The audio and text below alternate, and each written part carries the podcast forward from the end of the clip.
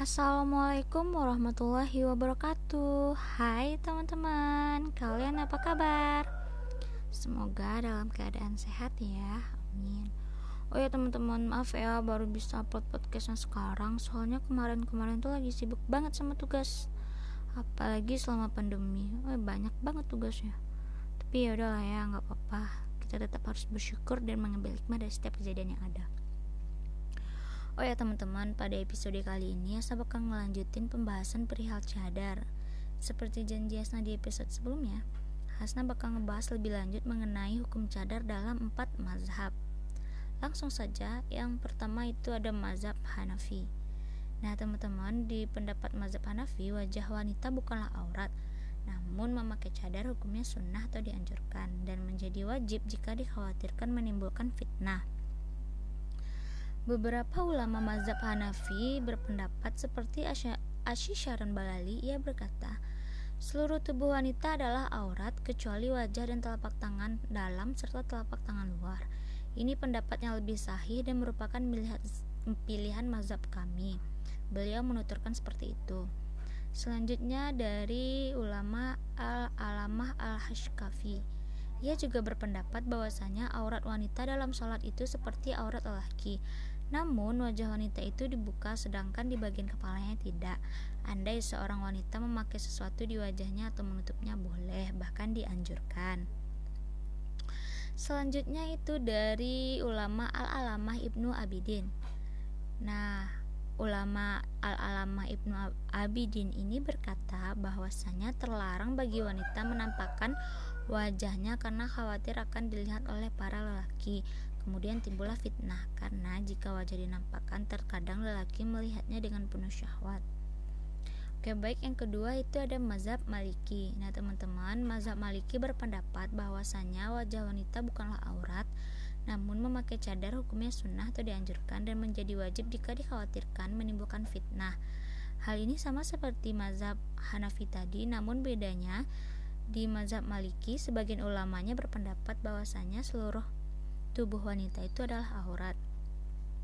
Seperti yang dikatakan oleh ulama Azarqani, ia berkata bahwasanya aurat wanita di depan lelaki muslim ajnabi adalah seluruh tubuh selain wajah dan telapak tangan.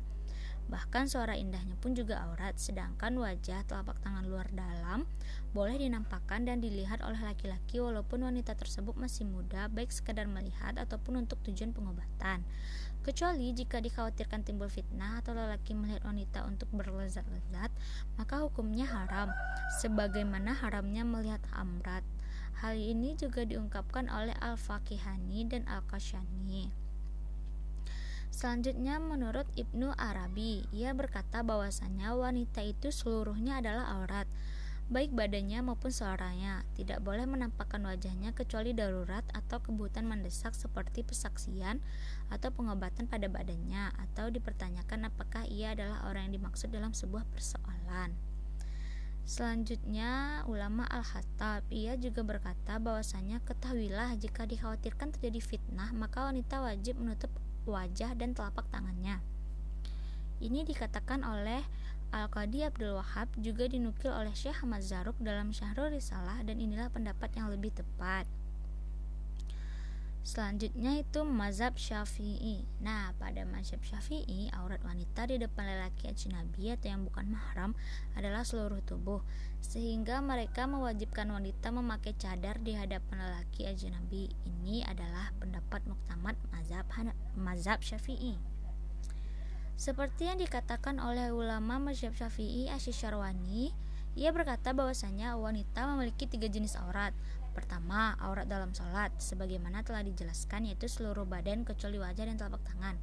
Kedua, aurat terhadap pandangan lelaki ajnabi, yaitu seluruh tubuh wajah, seluruh tubuh termasuk wajah dan telapak tangan menurut pendapat yang muktamad. Ketiga, aurat ketika berda bersama berdua bersama mahram, sama seperti laki-laki yaitu antara pusar dan paha. Selanjutnya itu ada Syekh Sulaiman Al-Jamal. Ia juga berpendapat bahwasanya maksud perkataan Nawawi aurat wanita adalah selain wajah dan telapak tangan ini adalah aurat di dalam sholat. Adapun aurat wanita muslimah secara mutlak di hadapan lelaki yang masih mahram adalah antara pusar hingga paha. sedangkan di hadapan lelaki yang bukan mahram adalah seluruh tubuh. Selanjutnya dari Ibnu Qasim Al-Abadi ia berpendapat bahwasanya wajib bagi wanita menutup seluruh tubuh selain wajah telapak tangan walaupun penutupnya tipis dan wajib pula menutup wajah dan telapak tangannya. Bukan karena keduanya adalah aurat namun karena secara umum keduanya cenderung menimbulkan fitnah. Selanjutnya menurut ulama Taqiyuddin Al-Husni, penulis Kifayatul Akhyar, ia berkata, makruh hukumnya sholat dengan memakai pakaian yang bergambar atau lukisan. Makruh pula wanita memakai nikab atau cadar ketika sholat, kecuali jika di masjid kondisinya sulit terjaga dari pandangan lelaki ajnabi. Jika wanita khawatir dipandang oleh lelaki ajnabi sehingga menimbulkan kerusakan, haram hukumnya melepaskan nikab atau cadar tersebut. Selanjutnya dari mazhab Hambali. Nah, Imam Ahmad bin Hambal berkata, setiap bagian tubuh wanita adalah aurat, termasuk pula kukunya. Ini dinukil dalam Zadul Masyir.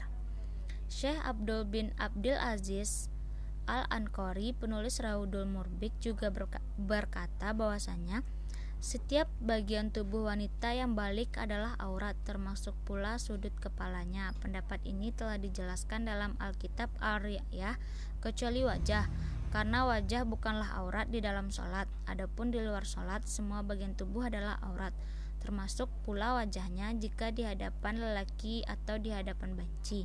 Jika di hadapan sesama wanita, auratnya antara pusar hingga paha. Selanjutnya, menurut Syekh Mansur bin Yunus bin Idris al-Bahuti ketika menjelaskan matal al-iknak, ia berkata, keduanya yaitu dua telapak tangan dan wajah adalah aurat di luar sholat karena adanya pandangan, sama seperti anggota badan lainnya. Selanjutnya itu menurut Syekh Muhammad bin Salih al-Utsaimin, ia berkata, Pendapat yang kuat dalam masalah ini adalah wajib hukumnya bagi wanita untuk menutup wajah dari para lelaki ajnabi. Selanjutnya Ibnu Muflih berkata, Imam Ahmad tadi berkata, maksud ayat tersebut adalah janganlah mereka wanita menampakkan perhiasan kecuali kepada orang yang disebutkan di dalam ayat.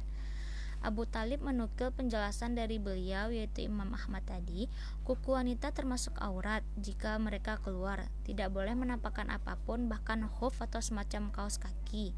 Karena khuf itu masih menampakkan lekuk kaki dan aku lebih suka jika mereka membuat semacam kancing tekan di bagian tangan. Nah, jadi se nah, jadi banyak pendapat dari ulama empat mazhab tadi beranggapan bahwasanya Hukum memakai cadar itu adalah sunnah dan menjadi wajib jika menimbulkan fitnah. Ini tergantung dari kondisi dan situasi yang kita alami.